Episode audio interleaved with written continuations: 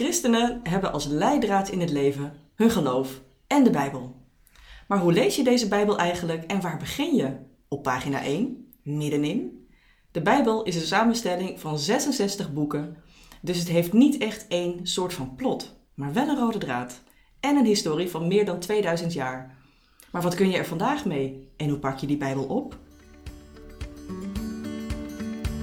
Hi, welkom bij de Noorderlicht Rotterdam podcast. Een serie gesprekken met mensen van Noorderlicht over wat het geloof voor hen in het dagelijks leven betekent. Hier is je host Jojanneke. Goedemorgen, dominee Niels de Jong. Goedemorgen. Hi, fijn dat je er weer bent. We gaan vandaag kijken hoe we de Bijbel gaan lezen. Ja, leuk. Jij weet er alles van. Nou, alles niet, maar uh, misschien wat meer dan gemiddeld. Ik denk het ook. Goed, meteen maar uh, de eerste hulp bij Bijbellezen. Wat is het eigenlijk voor boek? Is het een soort orakel? Nee, nee, nee. Het is ook geen groot antwoordenboek. Uh, zoek, zoek iets en je vindt het antwoord altijd of zo. Nee, het is uiteindelijk niet eens één boek, maar 66 uh, boeken. grote en kleine boekjes. Een verzameling boeken. Waarvan christenen geloven dat het het woord van God is. Dat op de een of andere manier God daardoorheen spreekt. En dan zichzelf laat kennen. En de bedoelingen voor, voor mensen. Ehm, dat, is het in, in, in hoofdzaak. Dus met een wat theologisch woord, openbaring van God. God laat zich erin kennen. En ook wat zijn wil is voor mensen. Wat de bedoeling is van deze wereld. De, de, zin van het leven. wat, wat goed is wat kwaad is. en al dat soort dingen meer kun je erin vinden. Hm. Is het ook duidelijk van alle boeken wie ze geschreven hebben? Nee, nee, nee, niet meer. Uh, sommige wel. Uh, sommige zijn sterke vermoedens. Sommige zijn volstrekt uh, onduidelijk. bijvoorbeeld ook omdat men vroeger was het een beetje onbescheiden om iets op je eigen naam te publiceren. En dan publiceerde je het op een naam van een groot iemand, bijvoorbeeld koning David. Wij vinden dat niet eerlijk. Je, je, je, je publiceert niet iets onder andermans naam. Uh, maar toen vond men dat een, uh, teken van waardering voor die, diegene. En je, je wees dan ook niet zoveel op jezelf. Dus, uh, maar dat maakt het voor ons nu lastig soms te achterhalen wie het dan wel geschreven heeft. Ja, het is niet heel 21ste eeuws om voor een ander te spreken. Nee, nee, nee, nee. nee. ja. En dan is het nog geschreven in de loop der eeuwen. En wat daarvan wel belangrijk is, dat er ook een soort ontwikkeling zit in die Bijbel. Dus nou, niet zozeer van primitief naar ontwikkeld, maar wel van een, een beginboek dat opbouwt en, en, en langzaam maar zeker ontvouwt het zich meer en meer. leer je meer en meer. worden sommige dingen ook alweer gecorrigeerd die misschien ergens in het begin nog niet zozeer aan bod kwamen of wat anders gezegd werden. Het hoofdpunt, zeg maar, de, de kern van, van die hele Bijbel, die, die vind je dan in, in Jezus Christus en die vier boeken die, die zijn leven uh, beschrijven. Maar goed, je hebt de rest van de Bijbel zeker nodig om, om dat hele verhaal goed te kunnen vatten. Mm -hmm. En waar begin je? Pagina 1? Ergens anders? Ja, het is dus ook geen boek van wat je begint inderdaad bij bladzijde 1 en je leest hem netjes uit. Het, het zijn dus 66 verschillende boekjes.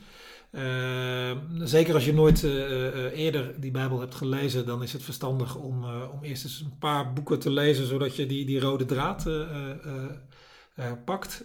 dan zou je kunnen beginnen bij een evangelie. Dus dat is een, een levensbeschrijving van Jezus. dan zit je gelijk in de kern, zit je er middenin. en daarna nog eens terug naar het Oude Testament, het eerste deel van de Bijbel, dan het eerste en het tweede Bijbelboek, Genesis en Exodus verhalen over het begin van de wereld. Uh, Abraham, Isaac, Jacob, het begin van het volk Israël, Mozes, de uittocht uit Egypte. Al dat soort basisverhalen uh, vind je dan. Ja, want er is een Oud Testament en een Nieuw Testament. Ja, ja. het tweede deel, een stuk kleiner als het eerste deel, dat noemen we dan Nieuwe Testament. Of ook wel Eerste en Tweede Testament. Dus het verhaal van Jezus en wat er daarna gebeurde. Ja, het Nieuwe Testament ja. begint met uh, Jezus en daarna. Ja. Oké. Okay. En in het midden zit ook nog een andere, ander onderdeeltje.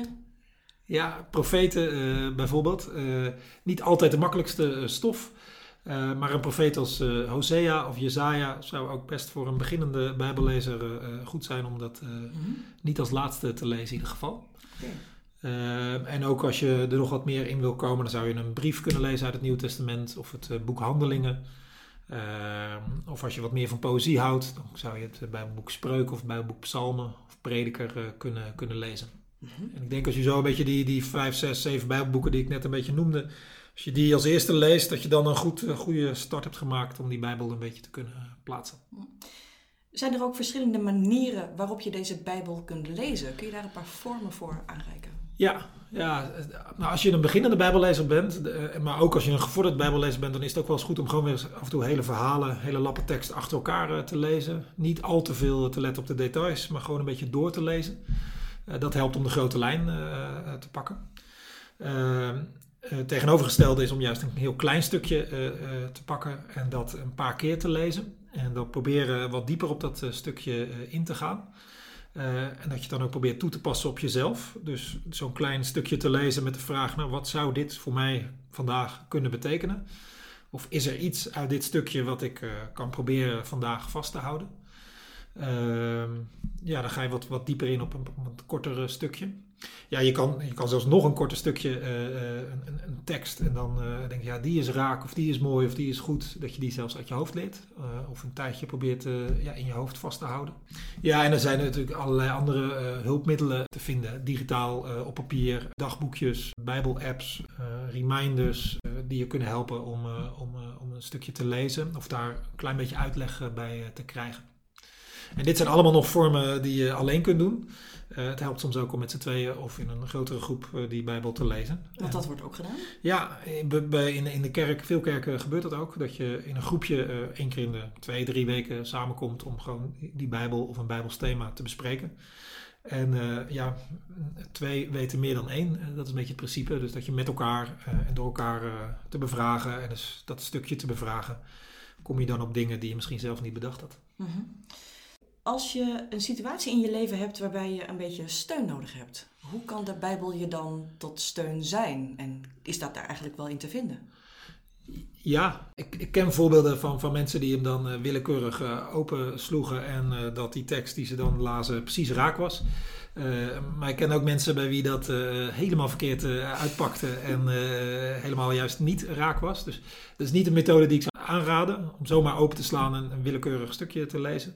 Eh, je kan wel zoeken. Eh, via Google kan je natuurlijk ook thema zoeken. Eh, dus, oh, de Google is er ook voor de Ja, als je echt op een thema raad zoekt of inspiratie of inzicht, dan kun je, kun je dat best daar vinden. Ja, ik heb ooit zelf op een moment dat ik niet zo lekker in mijn vel zat, de Bijbel opengeslagen en dacht ik, nou, nu ga ik het ontdekken. En ik sloeg Psalm 88 op en daar werd ik niet vrolijk van. Dat is een beetje een understatement, dat heb ik ook met je gedeeld. Ik vond het behoorlijk confronterend en ik dacht, hoe, hoe, hoe kan ik hier nu een weg in vinden? Want ik, ik, voelde eigenlijk alleen maar mijn gevoelens bevestigd in plaats van dat ik een soort van steun eruit kreeg. Het enige wat ik dacht van, het staat op papier en dus ben ik niet de enige die dit gevoeld heeft. Dus dat maakt het wel weer tof, zeg maar. En, maar eh, als, als je dus even niet zo lekker in je vel zit, dan kan ik me eigenlijk uh, voorstellen, dan zou het fijn zijn om uh, wat raad te vragen aan iemand die je daarmee vlot zou kunnen trekken, zoals een dominee, ja. zoals Niels, of Google. Of Google, ja. Op thema zoeken inderdaad. Uh, maar het is me ook wel eens gebeurd dat ik hem opensloeg en dat ik dacht, nou, ik voel me echt zo gehoord. Dit is echt helemaal hoe het goed zit. Dus je kan ook een soort beetje geluk of pech hebben. Ja. Maar het is wel fijn om er een soort van gids in te hebben. Ja, nee, nee, nee, zeker zowel via internet als mensen die er wat eh, meer in thuis zijn, kunnen, kunnen je raad uh, geven daarin. Uh, de, de, methode die toch mij het, beste lijkt, is om gewoon maar elke dag een stukje te lezen. Daar toch een, een beetje een gewoonte van te maken dat je met regelmaat een stukje leest. En, en, dan is het echt niet elke dag raak. maar je loopt dan wel de kans dat het af en toe echt precies raak is. En dat je dan denkt, oh, dat ik net dit stukje vandaag lees. Of dat ik net deze tekst uh, via mijn WhatsApp of via een app binnenkrijg.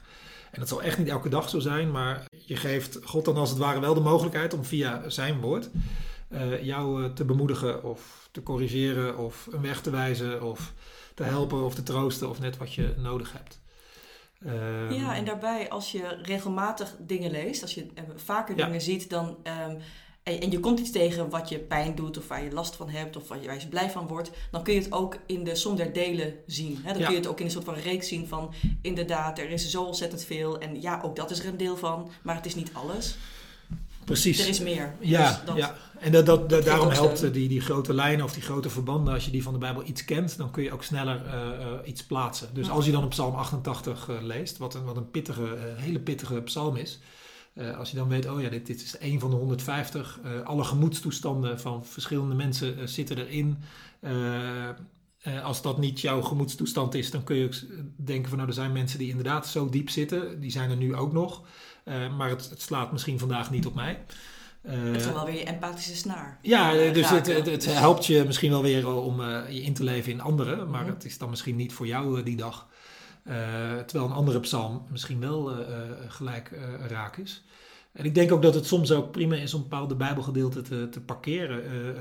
niet die hele Bijbel is altijd elke dag voor ons van toepassing. Ik moet bijvoorbeeld denken aan de, aan de geslachtsregisters, waar wij in het Westen van denken uh, moesten die nou echt in de Bijbel? Dat is toch saai en papierverspilling. En, wat uh, was dat precies? Uh, dat zijn een aantal registers dat dan uh, van een bepaalde persoon, bijvoorbeeld van Jezus, dat dan daar eerst begonnen wordt met een hele pagina. zijn voorgeslacht wordt benoemd. Want die was de zoon van, en die zijn vader en die zijn vader. ook van koningen, Mozes, Abraham. Een hele genealogie wordt gegeven van, van, van voorgeslacht is voor ons allemaal niet zo boeiend. Uh, maar bijvoorbeeld in Afrika uh, is dat bijzonder belangrijk, waar je, uh, wie je voorouders zijn en waar je vandaan komt. Dus voor die cultuur is het heel belangrijk, die bladzijden, dat al die voorgeslachten genoemd worden. Zomaar een voorbeeldje dat niet altijd voor iedereen in elke cultuur precies relevant is. Sommige dingen moet je misschien ook maar even parkeren en laten. Maar voor iedereen zit er meer dan genoeg in wat hij nodig heeft. Mooi. Um, het is me ook opgevallen, en uh, velen met mij, uh, dat niet alles zo concreet is beschreven. Er zit veel symboliek in. Uh, natuurlijk ook omdat het van heel lang geleden is. Het, ja. heeft toch de tand des tijds overleefd. Veel is voor verschillende soorten interpretatie vatbaar. Hoe ga je daarmee om? Als dingen niet zo helder zijn als dat je had gehoopt of waar je naar op zoek bent. Ja, nou, soms dat misschien ook maar even te parkeren. Dat, dat sommige uh, Bijbelboeken zijn misschien wat ingewikkelder. Of uh, daar is meer kennis vereist van die context uh, van toen. Of komt uit een heel orale cultuur. Dus is dat wat anders dan, dan nu. Zeker als je wat beginnend bent, dan, dan is het misschien soms goed om dat maar even te laten. En je te richten op de, de gedeeltes en de stukken die wel in één keer te pakken zijn. Nou, een voorbeeld van super concreet is denk ik de tien geboden. Ja. Ja, wat doe je wel, wat doe je niet? Ja, al is het ook dat weer, uh, zou, ja, is ook alweer, daar kun je natuurlijk ook over discussiëren, hoe letterlijk uh, zijn die altijd uh, niet doden. lijkt me een heel goed het standpunt, maar stel in oorlogstijd geldt dat dan ook weer. dus, als je met een mes aan je keel staat, ja. ja. mag je dan wel jezelf verdedigen. dus ja, natuurlijk. Nou ja, maar dus dat, dat vereist dat altijd interpretatie. Je maakt altijd interpretatiestap. Uh, zijn er nu ook bepaalde thema's die vanuit de Bijbel in onze tijd heel relevant zijn of die een beetje omstreden zijn, die we tegenkomen in de Bijbel en waar we vandaag iets mee moeten of kunnen, of wat je wel eens in de maatschappij tegenkomt? Ja, nou, dus er is een enorme uh, kloof in de tijd, zeg maar. Dus uh, bijvoorbeeld over de rol van de vrouw, homoseksualiteit, euthanasie, genetische manipulatie. Ik, ik noem maar wat thema's die of men waar men toen heel anders over dacht. Of die totaal onbekend waren en waar wij nu wel mee zitten. Of waar ontwikkelingen in zijn. En waar dus ook verschil van mening is onder christenen soms, bij sommige thema's. hoe je dat dan precies moet uitleggen en hoe je dat nu vertaalt naar het nu. Ik denk dat het bij Bijbellezen belangrijk is dat je niet zo'n één losse tekst eruit pakt en zegt: oh, het zie je wel, ik heb toch gelijk. Uh, dat het, uh, zeker om uh, grote thema's, dat het dan veel, dat het heel belangrijk is om dingen in zijn verband te zien. hoe vaak worden dingen genoemd, welk principe zit erachter. Dat je de context erin meeneemt. ja, want ik, ik heb zo vaak, echt decennia lang, hoor je af en toe mensen zeggen, het staat geschreven. Het is, ja. het is zo. Dan denk ja, maar hoe dan? Ja, nou, dus eigenlijk um, dekt dat ook de lading van die verschillende soorten interpretaties. Ja, om, om een voorbeeldje te noemen die, die in onze oren heel vreemd klinkt, is dat of, of mannen uit het uh, Oude Testament uh, meerdere vrouwen hadden. Uh, poly, polygamie. Dus denk ik van, dat is toch raar? En dat wordt niet echt heel erg veroordeeld. Indirect wel, want het geeft soms bij koning David bijvoorbeeld allerlei ellende in zijn, uh, in zijn gezin. En wat je kunt voorstellen. Dus me iets bij voorstellen. Indirect wordt daar dus wel van gezicht, gezegd van ja, dat is dus helemaal niet de, de bedoeling. Anderzijds, in die primitieve tijden waarin, waarin men nogal eens uh, oorlog uh, voerde, waren er veel meer vrouwen dan mannen. en zonder verzorgingsstaat of ook maar iets wat erop lijkt, waren al die vrouwen aan hun lot overgeleverd. Dus als er dan rijke mannen waren die wat meer vrouwen onderhielden, Blijft ja, familie in stand? Blijft, worden die, hadden die vrouwen nog wel enige bestaanszekerheid. Dus, uh, dus daarvan zegt de Bijbel niet, oh je mag dus nu uh, polygaam uh, leven. Nee, helemaal niet. verderop in de Bijbel, hè, weer dat procesboek, wordt dat juist veroordeeld. maar sommige dingen kun je dus in zijn context wel verklaren dat het toen misschien nog niet zo slecht was. Een ander tijdsbeeld, ja. Een ander tijdsbeeld ook, ja. Zeker, zeker. Welke vertaling van de Bijbel raad jij nou aan? Welke versie is ehm, een beetje een, een goede om mee te beginnen? Uh, ja, ligt er een beetje aan. Uh, Want er zijn verschillende versies. Er zijn verschillende versies. De, de laatste is de Bijbel in gewone taal. Uh, die is heel begrijpelijk. Die, die focust echt op begrijpelijkheid. Eentje daarvoor, uit 2004, was de nieuwe Bijbelvertaling. Is, is misschien ietsje poëtischer, ietsje mooier Nederlands. maar ook heel verstaanbaar. Een van die twee zou ik wel aanraden. Je hebt nog wel uh, oudere uh, vertalingen, maar die worden wel uh, steeds minder. ja, dat Nederlands wordt gewoon steeds verouderder, dus dat wordt steeds moeilijker te pakken. maar je hebt altijd een, een vertaling nodig. Hè? De oorspronkelijke Bijbel is geschreven in het Oude Testament in het Hebreeuws en het Nieuwe Testament in het Grieks. En vertalen, dat is, ja, daar, daar, daar, kun je wel eens discussie over hebben. Hoe doe je dat nou het beste?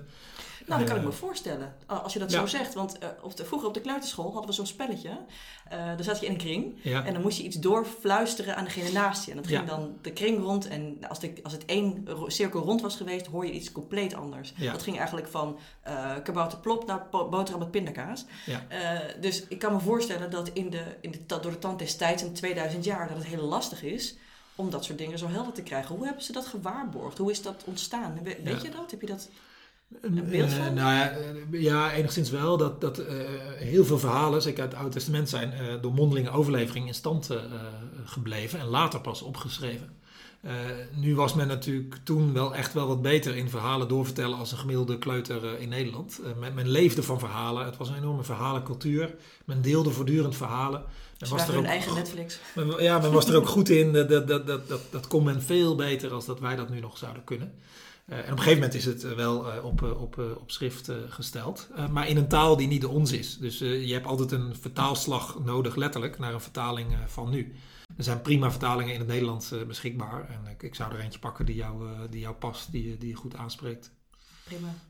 er is ook een, een de Bijbel-app inderdaad, van het Nederlands Bijbelgenootschap. Ja. En daar zie je dus ook al verschillende vertalingen in staan. Dus je kan er eentje activeren en daarin wisselen als je dat wilt. Ja. Ik ken ook wel mensen die, eh, die eh, soms wisselen naar het Engels. In het Engels komt het toch anders weer binnen. Dus bekende bijbelgedeelten klinken dan toch weer anders.